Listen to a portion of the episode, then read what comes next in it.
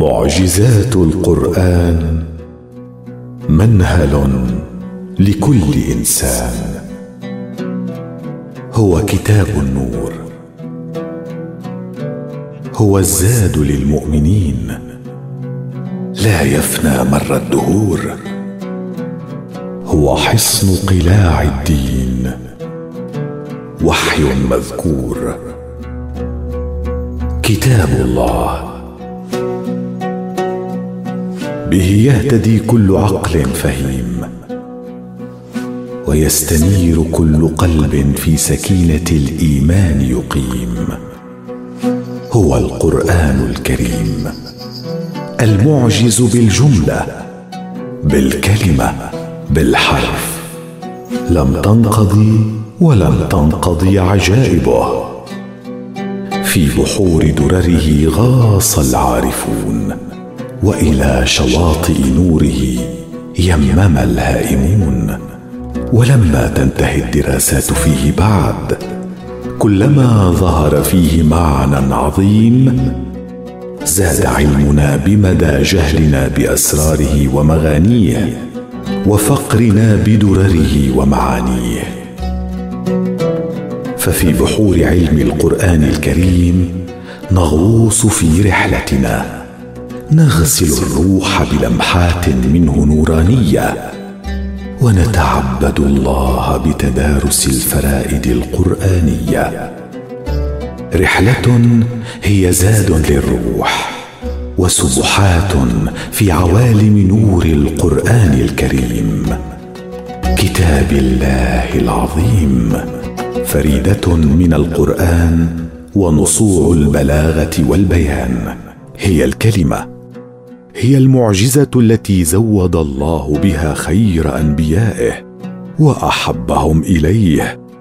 كان خليله فأعطاه دليله. الكلمة وأي كلمة؟ إن هي إلا كلمات الله أوحى بها إلى رسوله الكريم محمد صلى الله عليه وآله وصحبه وسلم. فأضاء الدنيا بالكلمة. واستنقذ القلوب من الظلمات إلى النور بالكلمة. وغسل الأرواح في عوالم من عطر الإيمان المبخور بالكلمة. في الكلمة هامت أرواح ونفوس ونذرت قرائح عظيمة نالت عظمتها ببركة جهادها في حرم خدمة الكلمة التي أنزلها الله تعالى في سماه على عبده محمد رسول الله. فألفت كتب عظيمة تتناول الكلمة وورودها في القرآن الكريم ومعناها في سياق الآي العظيم وبلاغتها ومرادها في السياق القرآني. وذابت قرائح العلماء تستغيث المعنى من الرسم المصور وتستنجد بالله أن يقدر لها الفهم المقدر. فكيف نزلت الكلمة؟ فيما تكررت ها هنا وفيما ها هنا تفردت إذ وردت بعض الكلمات في القرآن الكريم متفردة بالظهور مرة واحدة والفريدة في معناها العميق المنقطعة عن القرين أي التي لا مثيل لها ولا وزين ولا شبيه. وليس تفرد هذه الكلمات في القرآن الكريم إلا لغاية عظيمة ومؤدى كريم.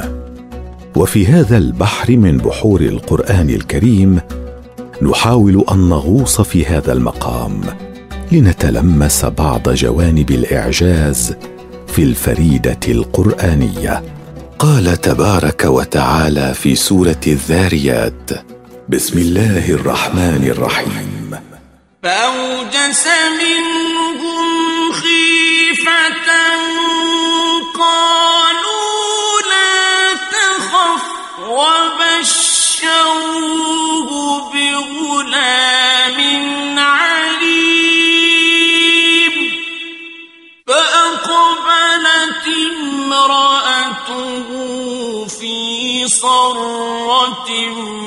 فصكت وجهها وقالت عجوز عقيم. صدق الله العظيم. سياق الآية يحكي عن رد فعل السيدة سارة عليها السلام عقب سماعها بشارة الملائكة بأنها ستنجب ولدا عليما. فأخذتها الدهشة واستولى عليها العجب الشديد ولطمت وجهها تعجبا واستغرابا لأنها كانت عقيما لا تنجب. وهذا اللطم كان من باب التعجب لا من باب الرفض والإنكار والفريدة التي نبحث في أسرار ورودها منقطعة النظير في القرآن الكريم هي فصكت. ففيما وردت هذه اللفظة دونا عن سواها من الألفاظ التي تدور في فلك معانيها. صكت تعني لطمت وضربت. وقيل الضرب بأطراف الأصابع. وقيل الصك الضرب براحة اليد مبسوطة على الخد. وقيل هو ضرب اليد مبسوطة على الجبين لأن الصك ضرب الشيء بالشيء العريض. فلما لم يقل الذكر الحكيم لطمت وهذه المادة موجودة في القرآن الكريم. واضح أن مادة صكت تصور الحدث تصويرا واضحا من خلال حروفها وما تحمله من جرس وصفير يعبر عن شدة الدهشة التي استولت على السيدة سارة عليها السلام فهي المرأة العقيم التي لا تنجب. وفجأة بشرت بأنها ستلد غلاما عالما. تأمل جرس الصاد وما فيه من صفير حاد ثم جرس الكاف المجهوره المشدده والتاء التي تشبه أداة طبعت الكف على الوجه بشدة وثبتته كل ذلك يحكي ويصور صوت وقع اليد على الخد بقوة وحدة تتناسب مع حجم الدهشة. كما أن اللطم والضرب عادة جرت عند وقوع الأحزان وعند الموت وهو منهي عنه في الأساس. لذا فكلمة صكت لا تفيد تكرار الضرب واللطم الواقع عند الوفاة وإنما تفيد تثبيت راحة اليد على الخد وهو ما يتساوق مع حالة الدهشة التي تأخذ بمجامع عقل الإنسان وتتمثل بمجامع بدنه الذي يجمد على حالة من الحالات لوهلة ريثما يستوعب الفكرة والصك الطبع أيضا. وهنا تفيد الفريدة طبع حالة السيدة سارة ثابتة على هذه الحالة للوهلة الزمنية التي تتناسب مع حجم الدهشة. كما أن الفريدة جاءت لتعبر عن حالة فريدة في تاريخ البشرية جمعاء. وهي أن تلد امرأة عقيم وفي عمر العجوز. وهذا من قبيل المعجزة الإلهية التي لم تحدث لزوج نبي إلا الخليل ولا يشبهها حالة إلا حالة زكريا عليه السلام. معجزات من الصورة في الآية والسورة. لم ينزل القرآن العظيم على رسول الله الكريم محمد صلى الله عليه وآله وصحبه وسلم. إلا وقد هامت عقول العلماء تتدبر معانيه وتستقصي مغانيه وتفيد من ينابيعه وتستغني من بحوره. ومن بين أفواج الحجيج في حرم علوم القرآن الكريم تجد أفواج العلماء لعلوم العربية تتزود منه وتتلمس المعاني العظيمة من الكلمة والحرف والجملة. مبحرة في عميق المعنى ومجاهدة في تدارس الصورة ومناضلة في سباق خدمة القرآن الكريم. فدرسوا الصورة في القرآن الكريم حتى لكأنهم وقفوا أمام علم جديد أذهلهم بسبكه وإبداعه. وهيم أفئدتهم وأرواحهم في عوالم عظمته. ومن الصور نستعرض صورة وردت في سورة البقرة في قوله تعالى بسم الله الرحمن الرحيم. ومن الناس من يعجبك قوله في الحياة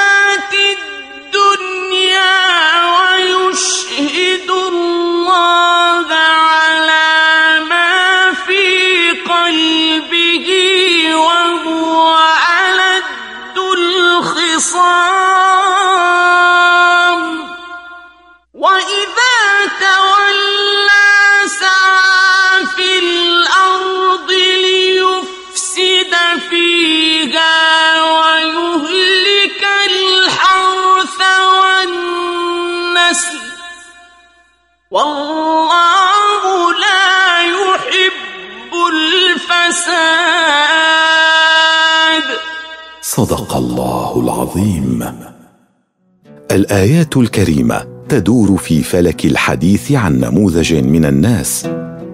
التركيز هو على هذه الحالة النموذج من خلال بث صور حركية فيها عناصر تنطق وتفعل وتبث روحها في مشاهد عدة. النموذج عن الناس الذين يظهرون شيئا يعجب الناس ويبطنون الشر والأذى. وهنا تذهب الصورة لتحدد هذا النموذج وخطورته في سعيه في الأرض. إذ تصور بسعيه مشاهد من الإهلاك والإفساد الذي يتسبب به في الأرض. انظر كيف أنه يفسد في الأرض يهلك حرثها والحرث هو كل ما من شأنه أن يعين الناس على تدبر شؤونهم من خيرات الأرض. سواء كانت هذه المقصودة هي متطلبات العيش الدنيوي أم متطلبات تدبر السبل في الحياة؟ إذ لا يخفى على لبيب أن الحرث والنسل ها هنا يحمل معنى ودلالة معنوية تصب في إطار ما يغتني منه الناس من سبل النجاة إلى الله وتدبر آياته ونعمه. وانظر ضمن استخدام الصورة التي حددت كلمة الحرث. والحرث مجال واسع للاحتمالات. انظر إلى الغلالة التي تغشي على التفاصيل التي تحتملها كلمة الحرث والنسل فهو ألد الخصام. ولكن قوله يعجبك إنك ترى أن الحرث والنسل قائمة لا محدودة من الاحتمالات المادية أو المعنوية. لذا فإنك تركز على هذا الخصم اللدود فتنساق نفسك إلى تصويره وتخيله يبطش خبط عشواء. أينما وضع يدا له أفسد وأهلك والتركيز هنا على هذا النموذج مقصود لغاية التنبه منه وإبقاء فساده مرتبطا باحتمالات كثيرة قد تصل إليها من المعاني التي تحملها كلمتا يهلك الحرث والنسل. وقد لا تستطيع وضع يد الذهنية على الكثير منها فإبقاء هذا الفساد غير محدد الملامح وواسع الاحتمالات مقصود لشأن أن الغاية هي الابتعاد عن هذا النموذج من البشر الذي يهديك ما يعجبك من القول وغايته إبعادك عن طريقك. هذا المعنى نفهمه من قوله تعالى ومن الناس من يعجبك قوله. فاذا ليست الغاية هنا المنافق الذي يهمه تجميل نفسه أمام الناس إنما هذا نوع ونموذج من المفسدين في الأرض الذين يمتلكون وسائل الإقناع أو اللعب على عقول الناس. فانظر كيف صور الآيات لقوم يعقلون. علم الأكوان من بحور القرآن. هو الكتاب المحفوظ مر الدهور. تفنى الخلائق ويبقى قائما محفوظا مدى العصور. فأي أسرار أودعها الخلاق العظيم في كتابه الكريم حتى تيسر له أن يبقى مشعل هدى ونورا لكل من يسعى سعي المتعطش في الأرض لمعرفة ربه رب الأكوان خالق الأماكن والأزمان مالك الملك الملك الديان. في هذا البحر رسالة القرآن إلى كل بني الأرض.